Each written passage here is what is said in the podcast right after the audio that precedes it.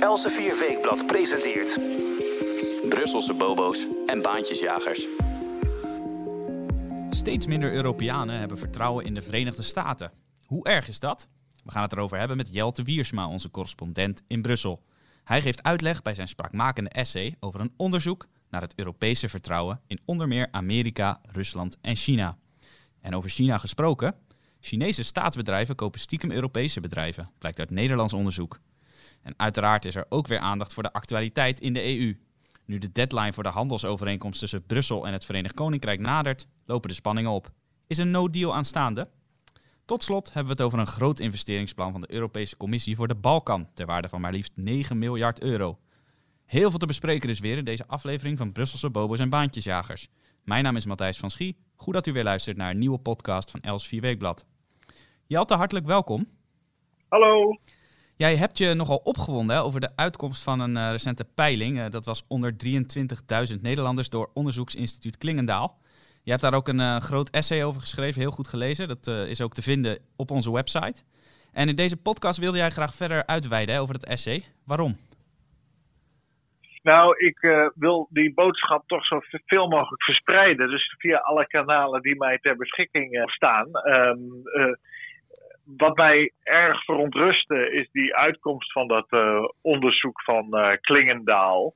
Niet in de laatste plaats, omdat ik in mijn achterhoofd altijd nog rondliep met het onderzoek dat Pew Research vorig jaar heeft gedaan en gepubliceerd aan de vooravond van de veiligheidsconferentie in München. Die veiligheidsconferentie bestaat sinds de jaren 60 in München. En daar komen de westerse landen altijd bijeen. En um, daar is uh, Rusland vaak de gast ook. En vroeger de Sovjet-Unie. En um, daaruit bleek ook dat in Duitsland, Frankrijk, uh, het Verenigd Koninkrijk. Uh, slechts zo'n 30% van de mensen vertrouwen heeft in de Verenigde Staten. En uh, dat vertrouwen in Rusland en China staat op het gelijke niveau. Ongeveer 30% van de mensen vertrouwt Rusland en 30% van de mensen vertrouwt China. Uh, alleen in het Verenigd Koninkrijk wordt uh, de Verenigde Staten ietsje meer vertrouwd dan Rusland en China. Maar in Frankrijk en Duitsland worden China en Rusland meer vertrouwd dan het Verenigd Koninkrijk. En die informatie had ik in mijn achterhoofd en toen kwam het Klingendaal-onderzoek voorbij. En toen dacht ik, halleluja, zeg. Um, dan zijn wel heel veel mensen van het padje af als ze in de Verenigde Staten minder vertrouwen dan uh, China en Rusland. Want uh, de Verenigde Staten zijn de vaandeldrager van de vrijheid en de democratie die wij genieten. En dat mag nooit worden vergeten. Ja, laten we een van die conclusies uh, van uh, dat onderzoek eruit lichten. Namelijk, uh, de meeste Nederlanders die zijn ondervraagd zouden neutraal willen blijven in een koude oorlog tussen enerzijds de Verenigde Staten en anderzijds China dan wel Rusland. Dat beschamend, hè? Vind jij? Ja, dat vind ik heel, heel erg beschamend. kijk, we moeten natuurlijk ons even goed realiseren dat de enige reden dat jij en ik hier in vrijheid met elkaar deze podcast kunnen opnemen en luisteraars uh, daarnaar kunnen luisteren, is dankzij de Verenigde Staten. Um, we hebben het dan natuurlijk over de Eerste Wereldoorlog, waarin de Verenigde Staten in 1917 zich uiteindelijk hebben aangesloten bij uh, het Verenigd Koninkrijk en Frankrijk tegen het Duitse keizerrijk. En we hebben het dan in tweede instantie over de Tweede Wereldoorlog, waar natuurlijk de Verenigde Staten na Pearl Harbor, de aanval door de Japanners, zich hebben verenigd met het Verenigd Koninkrijk en de Sovjet-Unie om uh, het fascisme en het nazisme uh, te verslaan en het Japanse keizerrijk te verslaan. En uh, in derde instantie hebben de Amerikanen eigenlijk tegen hun natuurlijke reflexen in, want de Amerikanen willen toch vooral met rust worden gelaten. Uh, hebben zij tijdens de Koude Oorlog ook nog eens het communisme buiten de deur weten te houden, althans in West-Europa. En uiteindelijk de Sovjet-Unie um, kunnen verslaan uh, zonder uh, militair geweld. Althans, er zijn wel wat conflicten op kleine schaal geweest via proxyoorlogen her en der. Maar uh, een grootschalig conflict is vermeden. En die realiteit heeft miljoenen mensen in Midden- en Oost-Europa nog eens bevrijd van het communisme. En tot op de dag van vandaag betaalt de Amerikaanse belastingbetaler voor de Amerikaanse defensie die niet alleen de Amerikaanse defensie is, maar eigenlijk de politieman van de wereld die ervoor zorgt dat Europa beschermd blijft. Uh, we zitten onder de Amerikaanse nucleaire paraplu. Uh, er zitten allerlei Amerikaanse bases in Europa om Europa te beschermen. Maar ook bijvoorbeeld alle wereldzeeën worden vrijgehouden door de Amerikanen, zodat er handel wordt, uh, gedreven kan worden. En nou, zo kan ik nog wel even doorgaan. En als je dat niet wilt zien, ja, dat vind ik wel heel erg treurig. Ja, je noemt inderdaad een aantal uh, glasheldere feiten. De Amerikanen die uh, zowel in de Eerste als de Tweede Wereldoorlog uh, Europa uit de brand hebben geholpen. De Koude Oorlog, het is duidelijk zou je zeggen. Nou zijn er mensen, als je het ze op straat zult vragen, die zeggen... ja, dat komt met name door het wat, wat ongepolijste horkere gedrag van Donald Trump. Maar is dat wel echt de reden of is dit wantrouwen in Amerika al veel ouder dan het presidentschap van Trump? Ja, het wantrouwen uh, over Amerika bestaat al eigenlijk sinds Amerika ontstaan is. Uh, eind 18e eeuw. Uh, en dat is natuurlijk naar grotere hoogte gestegen in de 20e eeuw voornamelijk. En dat heeft er ook mee te maken, moet je je voorstellen, dat Amerika bestaat uit verschoppelingen uit Europa in eerste instantie. Hè? Mensen die religieuze vrijheid zochten, mensen die politieke en economische vrijheid zochten, die dat daar hebben gevonden en met groot succes hebben toegepast. En uh, uh, het, het misschien wel machtigste land ooit in de wereldgeschiedenis hebben weten uh, te bouwen. Um, en dat is heel pijnlijk voor een aantal Europese landen. Te beginnen bij vooral Frankrijk en Duitsland. En in mindere mate ook bij het Verenigd Koninkrijk. Uh, die landen zijn natuurlijk allemaal in meer of mindere mate verslagen door de Amerikanen. Dat begon ook al uh, uh, vrij vroeg. Natuurlijk, Napoleon heeft rond de wisseling van de 18e, 19e eeuw natuurlijk uh, de Louisiana Purchase toegestaan. En het Franse deel van het toen bestaande Noord-Amerika gewoon appel en een ei verkocht aan, aan de nieuwe Amerikaanse Republiek die toen gevormd was. Uh, en dat uh, is later door de Fransen natuurlijk wel betreurd als een enorme strategische vergissing. Uh, de Britten hebben natuurlijk de onafhankelijkheidsoorlog van de Amerikanen verloren. zij waren natuurlijk de koloniale mogendheid die, die de, de founding member staten van de Verenigde Staten in bezit hadden. en uiteindelijk in de 20e eeuw hebben al die verschoppelingen uit Europa die dus eigenlijk wilden vluchten voor de tirannie die ze in Europa zo vaak uh, te lijden hebben gehad. Religieus, politiek, economisch enzovoort. Uh, daar zijn die verschoppelingen van de Verenigde Staten opnieuw in teruggezogen. En die Verenigde Staten moesten die oude naties in Europa, die ze juist wilden ontsnappen, waar ze juist aan, van weg wilden blijven, van al die rare regimes met al hun bloeddorstige moorddadigheid, werden zij weer teruggezogen in dat Europa. Eigenlijk tegen de Amerikaanse wens in. En daar hebben zij getriomfeerd. En ze hebben eigenlijk Europa, de Europese landen, en dan vooral Frankrijk, Duitsland, Engeland en eigenlijk ook Nederland natuurlijk, een lesje gegeven in vrijheid, in democratie, in rechtsstaat enzovoort. En um, dat valt niet te onderschatten. Um, uh, als je kijkt naar de Duitse grondwet, dat is gewoon een kopie van de Amerikaanse grondwet. Enige, de enige reden dat Duitsland bestaat zoals het bestaat, is dankzij de Amerikanen. De enige reden dat Frankrijk gered is na de Tweede Wereldoorlog, want de helft van Frankrijk collaboreerde natuurlijk met Nazi-Duitsland, uh, uh, is dankzij de Verenigde Staten. Die hebben die landen ook weer uh, teruggebracht in het centrum van de wereldpolitiek. Ook weer een plek aan de tafel gegeven. Het Verenigd Koninkrijk is natuurlijk ietsje anders. Die hebben natuurlijk als grote winnaar van die Tweede Wereldoorlog daar genoeg zelfrespect aan overgehouden. Maar de, um, heel veel Europese landen zijn uh, mentaal beschadigd geraakt. Uh, die oorlogen in Europa waren ook een soort zelfmutilatie. En um, dat de, de Amerikanen die hebben uh, dat moeten oplossen. En dat hebben uh, de Europeanen, de Amerikanen misschien wel nooit helemaal vergeven. Er is een heel interessant citaat. Uh, Hendrik M. Breuder heeft dat wel eens aangehaald. De Duitse journalist van Die Welt onder meer. Die zei, de, de Um, het is een citaat van een volgens mij Joods-Duitse filosoof. Die zei: de, de, de, de Duitsers zullen de Joden uh, Auschwitz nooit vergeven. Denk daar maar eens over na, over dat citaat. En dat, hetzelfde geldt eigenlijk voor um, die uh, Eerste, Tweede Wereldoorlog en Koude Oorlog. De Europeanen zullen Amerika nooit helemaal vergeven dat Amerika die oorlog gewonnen heeft.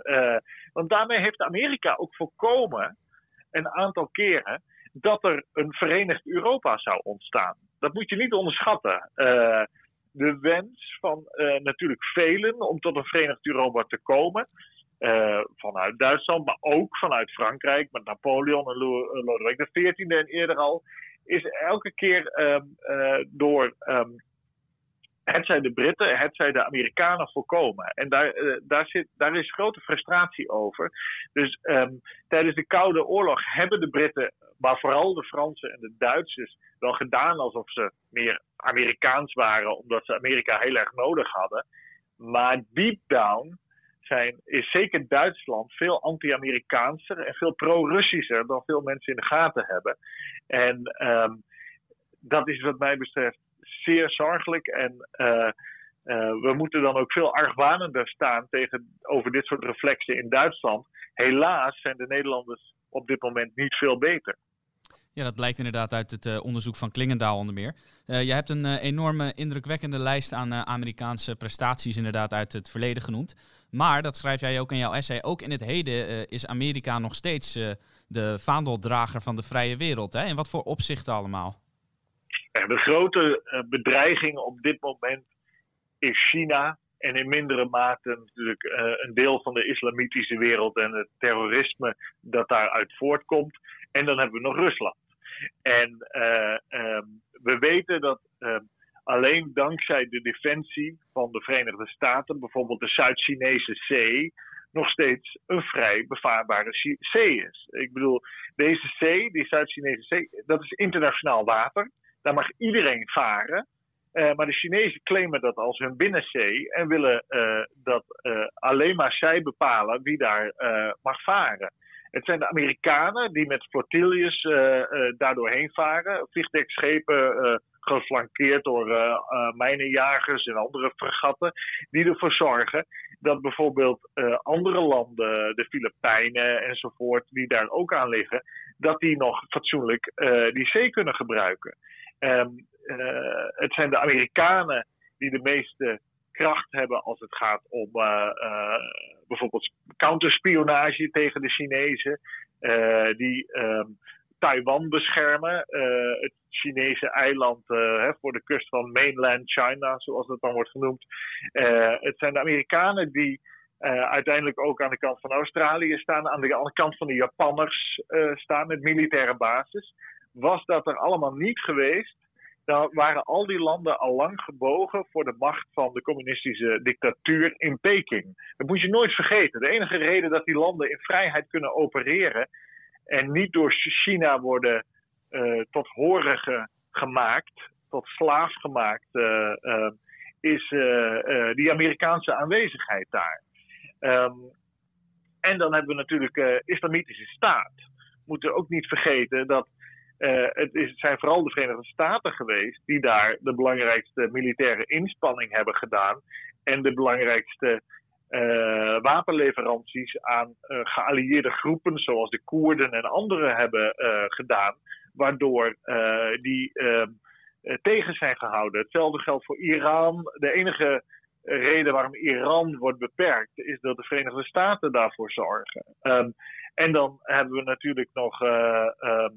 Uh, uh, Rusland. Uh, Rusland peuzelt uh, aan alle kanten aan de grenzen van Europa. En um, dat zien we natuurlijk in Oekraïne, tot op hoogte in Wit-Rusland, maar ook in um, Abhazie hebben we dat gezien, Kirgizië en nog een aantal van die plekken.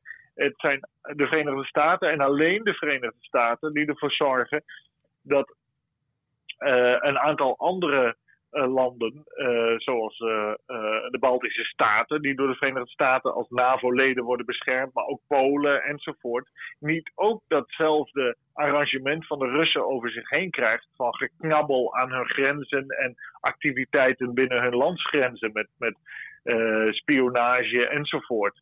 Dus um, daar, um, uh, wij mogen de Amerikanen daarvoor alleen maar heel dankbaar zijn. En als zij dit niet doen, als zij terug zouden gaan naar een isolationistische politiek, die ze eigenlijk het liefst hebben, want ze willen eigenlijk met rust worden gelaten, de Amerikanen, uh, uh, dan, maar ze zijn gedwongen die wereldrol op zich te nemen. En ze maken ook fouten natuurlijk, zoals iedereen fouten maakt. Maar als de Amerikanen zich terugtrekken, dan, dan, dan is het met vrijheid en democratie in eerste instantie in Azië gedaan. Maar ik vermoed op lange termijn ook in Europa dat het dan ten onder gaat. Ja, dat is inderdaad, uh, zoals ik net ook al zei, een indrukwekkende uh, lijst aan prestaties en uh, pluspunten inderdaad van de Amerikaanse aanwezigheid op het wereldtoneel. En om nog even de, de koppeling met Elsevier te maken, zoals jij dat ook doet in jouw essay. Jij begint ermee en je sluit ermee af. Jij haalt onze voormalige hoofdredacteur Hendrik Jan Schoo aan. helaas veel te vroeg overleden. En meneer Schoo die had wel een, een aardige houding hè, ten opzichte van Amerikanen die hij zo her en der aantrof.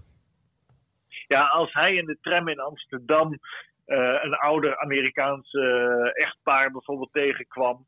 En die hoorde die babbelen. Dan vroeg bent u Amerikaans? En dan, uh, als dat zo was, dan bedankte die die mensen hartelijk voor um, het feit dat zij en hun ouders gevochten hebben voor de vrijheid van Europa. En die, dat bedankje dat hij elke keer gaf in persoon aan Amerikanen, zouden wij eigenlijk aan elke Amerikaan die belasting betaalt moeten geven. Uh, tot op de dag van vandaag zijn zij de hoeder van vrijheid en democratie. En um, we kunnen niet zonder ze. En we moeten ook dankbaar zijn. Zij geven 6% van hun nationaal inkomen uit aan hun strijdkrachten. 6% van hun nationaal inkomen. Wij zitten in Nederland op 1,3 of zo. En wij zeggen dan uh, graag in Europa: kijk, in Amerika is die gezondheidszorg allemaal niet goed. En de sociaal stelsel is niet goed. En dit en dat. Ja, Amahula. Zij geven het geld uit aan uh, de strijdkrachten, zodat wij hier in vrede en veiligheid kunnen uh, leven. Als ze al dat geld op een andere manier hadden kunnen uitgeven, dan hadden zij allerlei staatsarrangementen die wij kennen ook kunnen doorvoeren. Um, overigens ben ik daar helemaal niet voor hoor, want staatsarrangementen, daar ben ik meestal tegen. Maar uh, dat is wel de realiteit. Hè? De Amerikanen brengen elke dag een offer dat er geld gaat naar vliegtuigen, satellieten, raketten, weet ik waar ze het geld allemaal instoppen, zodat wij hier in vrede en veiligheid kunnen leven. En, uh, en het met elkaar oneens kunnen zijn en wij in vrijheid podcasts kunnen opnemen, in vrijheid artikelen kunnen publiceren enzovoort. En dat vele mensen dat niet zo appreciëren, dat is uh, ook in Nederland niet, dat vervult mij met uh, grote schaamte. Nou, zo is uh, de cirkel weer rond inderdaad. Uh, laten we inderdaad de Amerikanen dankbaar zijn dat wij deze podcast kunnen maken. En uh, voor de mensen die zijn ondervraagd door Klingendaal en wellicht naar deze podcast luisteren, is het wellicht goed om nog eens de houding van onze oude hoofdredacteur Hendrik Jan Schoo in acht te nemen. Nou, je had er dan het volgende onderwerp. Je hebt het net al uitgebreid gehad over de dreiging van China. En daar gaat dit onderwerp dan ook over, want jij had laatst een, een nieuwtje op de website. Uh, ook daarnaar kunt u een uh, link vinden in de beschrijving van deze podcast naar dat artikel. Uh, daarin stond namelijk dat Chinese staatsbedrijven in het geheim Europese bedrijven opkopen. Misschien aardig om eerst even te vertellen hoe dat precies aan het licht kwam. Nou, er is een Nederlands bedrijfje, dat heet Datenna uit Eindhoven. Dat heeft vorige week de publiciteit gezocht met een artikel in de Wall Street Journal, de Amerikaanse zakenkrant, wat rechts van het midden. En um, daaruit blijkt dat um, van de Chinese overnames in Europa sinds 2011, dat zijn er 650 die ze hebben onderzocht, 40% is gedaan door bedrijven die of een staatsbedrijf zijn of heel erg gelieerd zijn aan de staat. En in China betekent dat de communistische partij van China. En uh, dit bedrijf Datenna uh, heeft uh, deze informatie op kunnen scharrelen dankzij onderzoek dat zij kunnen doen met nieuwe datatechnologie die ze hebben, waarbij zij weten te achterhalen uit openbare bronnen wie nou eigenlijk echt de eigenaar is van een Chinees bedrijf dat een overname in Europa doet. En dat is wel heel belangrijk, want um, van veel Chinese bedrijven weten we niet precies wie zit daar nou achter. Uh, neem als voorbeeld het bedrijf Huawei. Dat is een heel boeiend bedrijf uh, dat natuurlijk wereldwijd de tongen losmaakt. Hè. Het Chinese telecombedrijf bouwt telecomnetwerken en uh, maakt ook uh, mobieltjes enzovoort. Dat Huawei was helemaal geen Chinees staatsbedrijf. Of daar was ook geen invloed van de communistische partij. Huawei was eigenlijk een loser op de binnenlandse Chinese markt. Maar werd een enorm succes buiten China. En uh, alle staatsbedrijven, die bijvoorbeeld voortkwamen uit defensie-conglomeraten uh, of andere, die zijn eigenlijk allemaal mislukt in China. En Huawei was volledig privaat, een volledig private firma. Maar is de laatste jaren door het mondiale succes steeds meer toch naar het schijnt, volgens westerse inlichtingendiensten, onder staatscontrole gekomen. Uh, en dat gaat vaak dan zo dat er bijvoorbeeld een, commissaris moet worden geplaatst die lid is van de communistische partij uh, en die directe lijntjes heeft of eigenlijk een, een uh, waterdrager is en een spion van Peking, de communistische partij al daar. En dan meer specifiek natuurlijk van Xi Jinping, de secretaris-generaal van de Communistische Partij, de facto de dictator van China.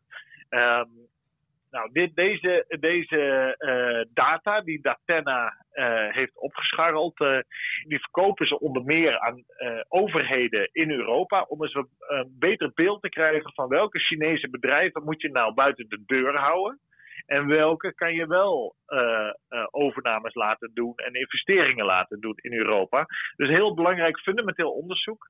Uh, waarmee ze wereldwijd scoren. En hun CEO van Etten was een Nederlandse diplomaat in China, twaalf jaar lang. Die heeft het bedrijf drie jaar geleden opgericht. Hij is gestopt als diplomaat en hij is volgende week te lezen in Elsevier. Ik heb een interview met hem gemaakt en uh, uh, dan uh, kan de luisteraar nog veel meer leren over deze kwestie. Want het is zeer belangrijk en een Nederlands digitaal ondernemerssucces met geopolitieke impact. fantastisch verhaal eigenlijk. Ja, je haalt me de woorden uit de mond. Want ik wilde net inderdaad jouw uh, interview uh, met uh, Jaap van Etten gaan aanprijzen. Dat inderdaad in het volgende nummer van de Elsevier Weekblad verschijnt. Wellicht kun je alvast een, een klein tipje van de sluier oplichten. Met wat, wat boeiende uitspraken die Van Etten in jouw bijzijn heeft gedaan. Nou, een belangrijk punt dat hij aanhaalt. Hij zegt, ik, wij zijn als bedrijf hier voor vrijhandel. Dus wij zijn geen... Wij, wij, wij willen niet dat de deur met China dicht wordt gegooid...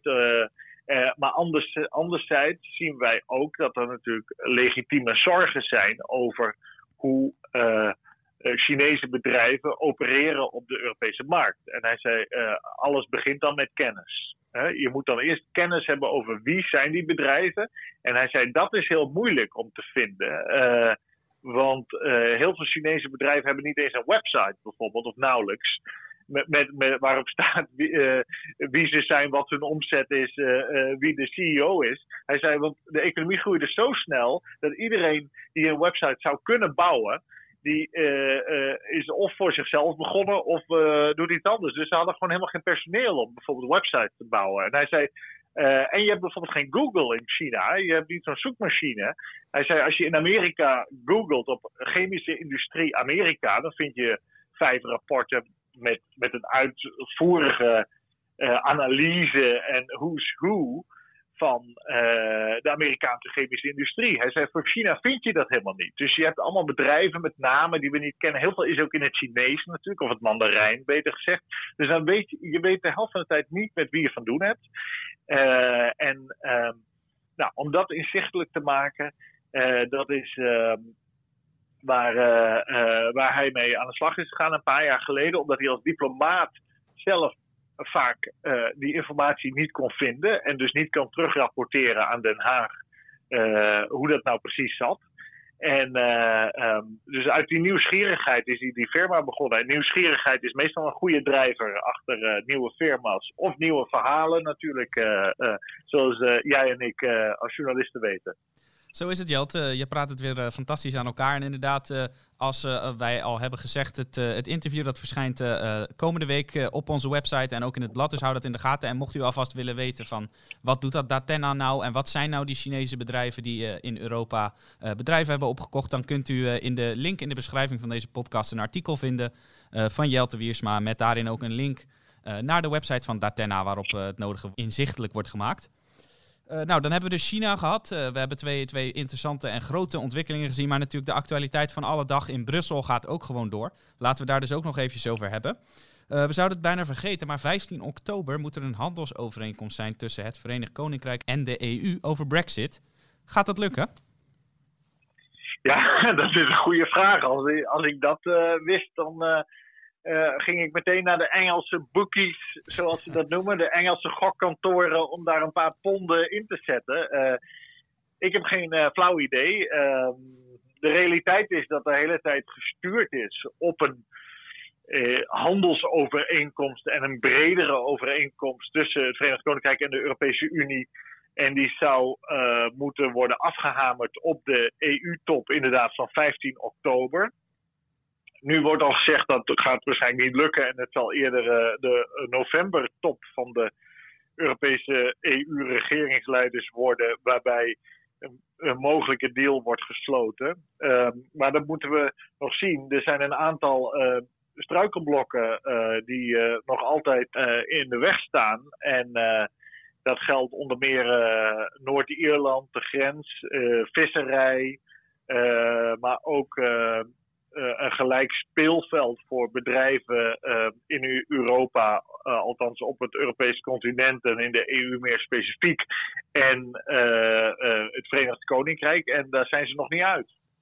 Precies, nou ja, die, het is misschien goed om te zeggen, die, die deadline van 15 oktober, dat is door Johnson zelf, meen ik, eenzijdig geformuleerd, die datum. Ja, ja klopt. Ja, en het is dus inderdaad nog maar een kleine week als u deze podcast luistert, minder dan een week uh, tot die datum er, er, is. Dus we gaan het allemaal in de gaten houden. Maar wie weet wat er daarna nog gebeurt. Uh, in de podcast van volgende week kunt u dat ongetwijfeld weer horen, wat de laatste ontwikkelingen zijn.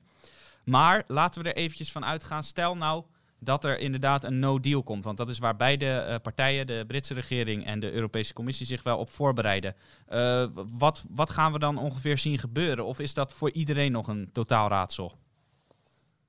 Nou ja, je, je, krijgt dan meteen uh, uh, dat de relatie tussen het Verenigd Koninkrijk en de Europese Unie qua handel teruggaat naar de regels van de Wereldhandelsorganisatie uh, WTO.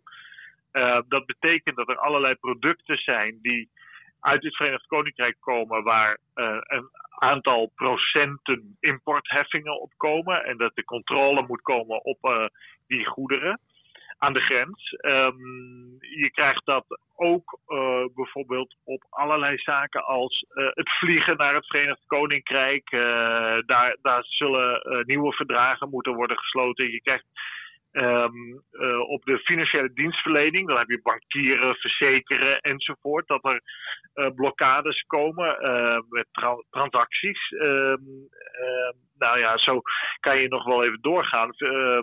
het het lijkt er wel op dat, uh, althans dat wordt in Brussel en in Londen gezegd, uh, dat 90%, uh, daar zijn ze het wel over eens wat er moet gebeuren. En dat zou eigenlijk betekenen dat er tariefvrije handel blijft bestaan, zoals die er nu ook is, tussen het Verenigd Koninkrijk en de EU.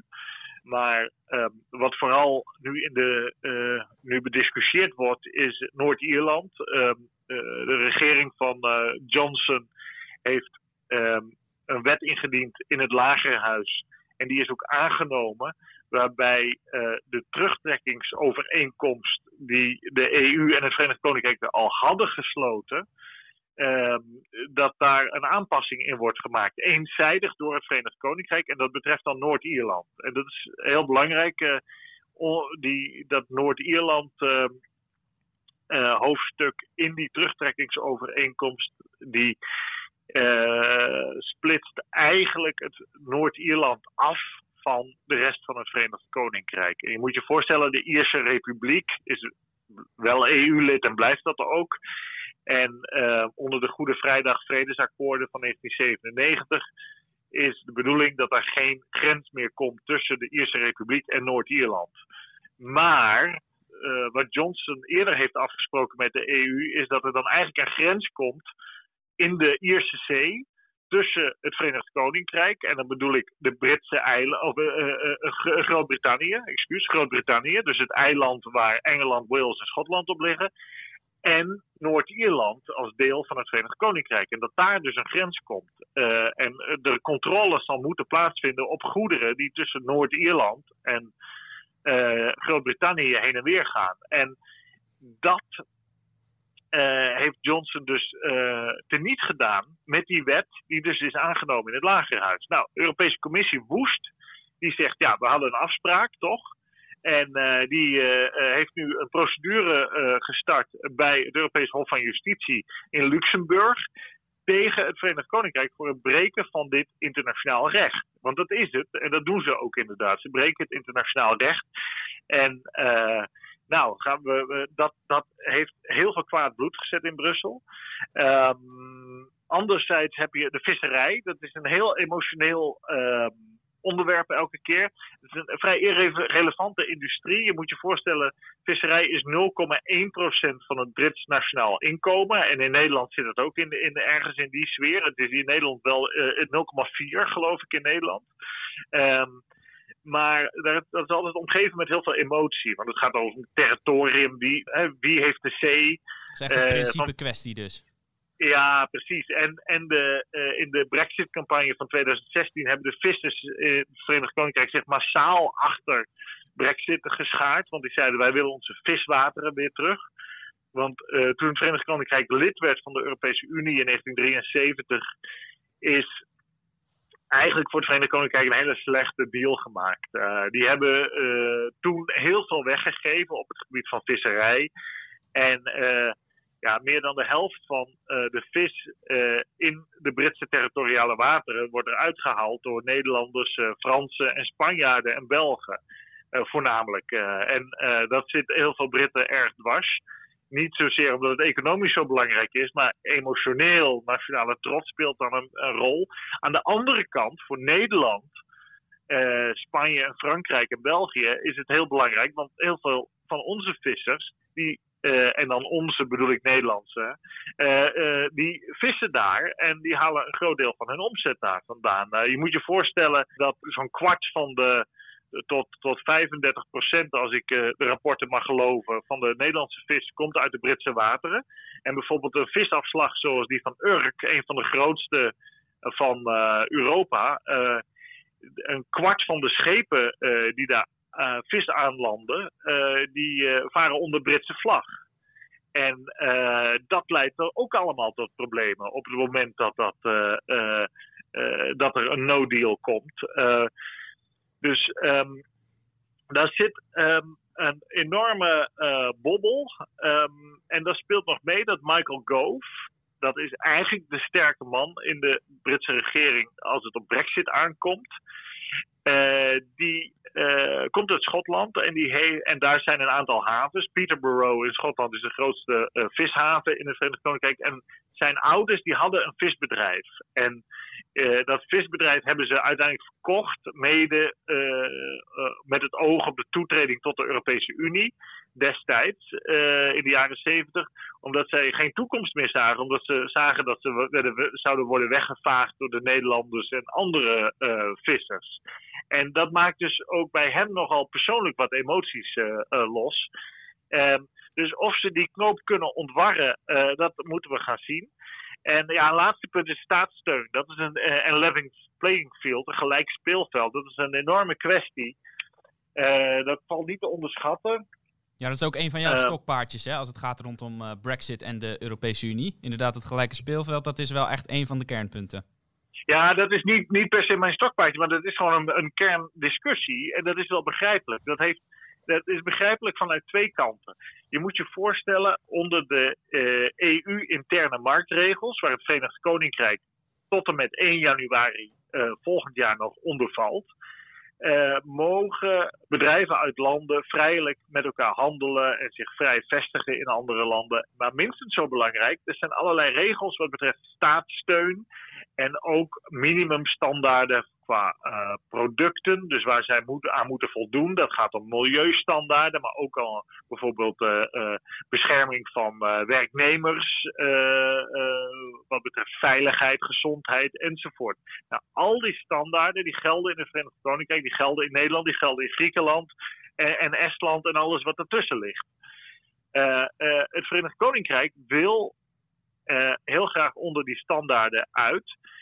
En um, een van die standaarden waar ze heel graag onderuit willen, is dat ze de mogelijkheid willen hebben om wat meer staatssteun te geven aan bedrijven. En dat mag nu niet. Er zijn allerlei sectoren waarin het verboden is, of nauwelijks mogelijk, voor landen om staatssteun te geven. Dat is voor Nederland heel aantrekkelijk altijd.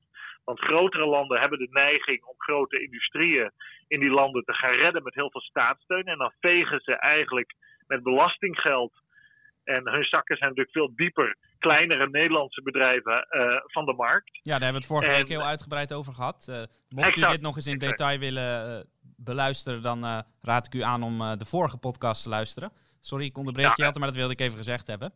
Ja, heel goed, heel goed. Nou, in het Verenigd Koninkrijk is dit wel een groot punt. Want een van de punten die, die genoemd is door de Johnson-regering en ook wel tijdens het Brexit-referendum is dat hun industrieën zijn na toetreding tot de Europese Unie. En dan hun industrieën, dan heb ik het over maakindustrieën, auto-industrie, uh, zware staalindustrie enzovoort, zijn allemaal weggevaagd door concurrentie van het Europese vasteland. En hoe heeft dat kunnen gebeuren?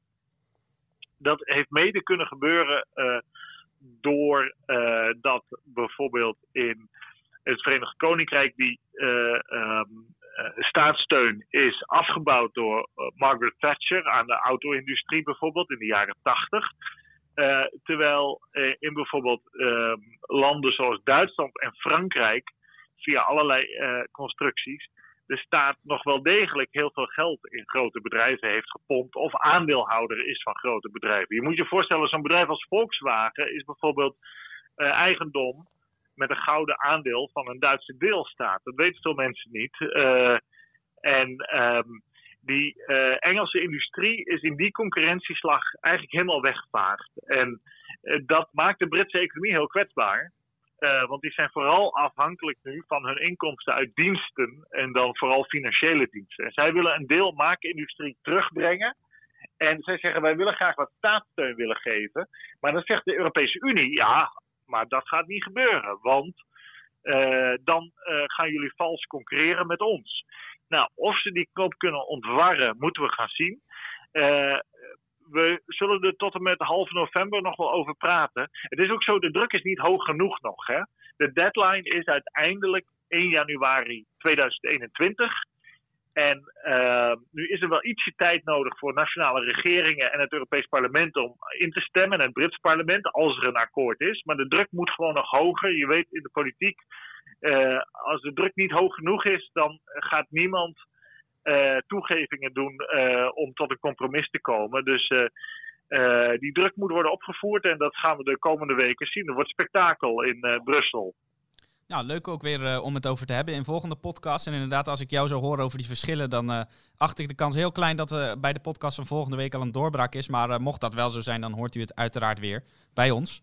Jelte, terwijl het Verenigd Koninkrijk de Europese Unie dus gaat verlaten, wil Brussel er op de lange termijn misschien wel nieuwe lidstaten gaan bijhalen. dat bleek woensdag, want met een investeringsplan van maar liefst 9 miljard euro wil de Europese Commissie gaan investeren in landen als Albanië, Bosnië-Herzegovina, Noord-Macedonië, Montenegro, Servië en Kosovo. Wat willen ze daar nou precies mee bereiken?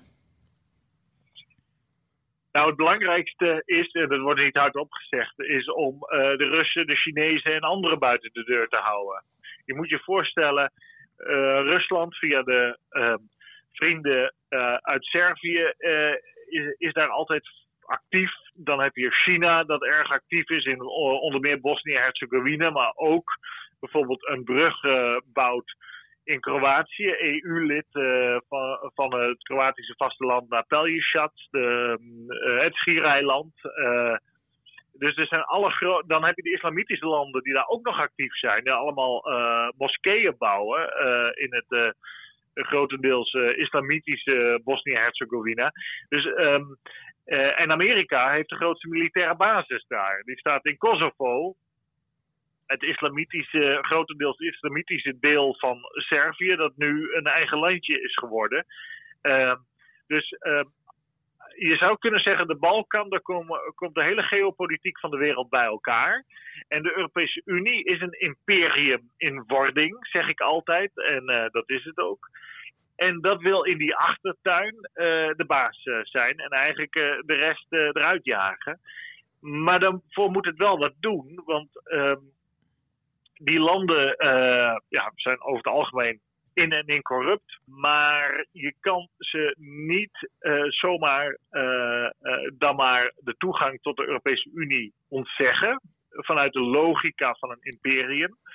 Om de simpele reden dat als de Europese Unie die landen niet oppeuzelt, dan zullen andere landen, andere grootmachten dat gaan doen. Dan zal Rusland zijn machten uitbreiden, China, de islamitische wereld, Amerika niet zozeer, maar uh, dan zullen die dat vacuüm vullen. Dus de Europese Unie is door de logica van het zijn van een imperium eigenlijk gedwongen om uh, die landen op te nemen. Want als zij het niet doen, doet een ander het. En dan heb je dus een ander imperium aan je grenzen staan. En dat wil je liever niet. Of in je achtertuin, beter gezegd. Dus um, er gaan miljarden die kant op. Er zal, zullen nog veel meer miljarden die kant op gaan de komende jaren. Uh, de Franse president Emmanuel Macron uh, met steun van de Nederlandse premier Mark Rutte zijn het meest hard tegen die landen en zeggen, zeggen eerst de rotzooi opruimen voordat jullie lid mogen worden. Nu zijn die al een beetje gedraaid. Noord-Macedonië en Albanië zijn nu kandidaat EU-lidstaat. En, dan, uh, en die andere landen die hebben ook een uh, snoepje toegeworpen gekregen. Die zijn potentieel kandidaat EU-lidstaat. Uh, het zijn geweldige termen natuurlijk. Wie dat bedenkt verdient een, eh, een pluim. Want het is geweldig hoe je dat diplomatiek met woorden netjes kan zeggen zonder iedereen te beledigen. Maar eigenlijk betekenen die woorden, nou, we, we, moeten jullie erbij hebben ergens tegen onze zin. Omdat we, we niet willen dat jullie in handen van anderen vallen. Maar uh, jullie moeten wel eerst je gedrag verbeteren. En we, we gaan dat proberen af te dwingen door jullie poen toe te stoppen. In ruil voor verbetering. En elke keer als jullie een beetje verbeteren, dat gaat over democratie, vrij, vrijheid van meningsuiting, de rechtsstaat enzovoort, dan krijgen jullie weer wat extra centen. Dus het zijn snoepjes. De carrot en de stick wordt wel, de wortel en de stok, zeggen ze dan in, in het Engels, die hen voor wordt gehouden. En ja, ik vermoed dat um, je op termijn zal zien dat die landen erbij komen. Um, dat is natuurlijk wel een beetje curieus, want ja, de meest succesvolle landen in Europa uh, zoals uh, Zwitserland en Noorwegen, het meest rijke, en, en een van de, de oudste democratie, het Verenigd Koninkrijk en IJsland, en ook rijke landen, die willen allemaal niet meer bij die EU of die willen eruit, die gaan eruit. En dan krijgen we Albanië erbij. Nou, ik weet niet of dat nou zo'n vooruitgang is. ik denk dat de luisteraar daar ook wel zijn of haar gedachten over heeft.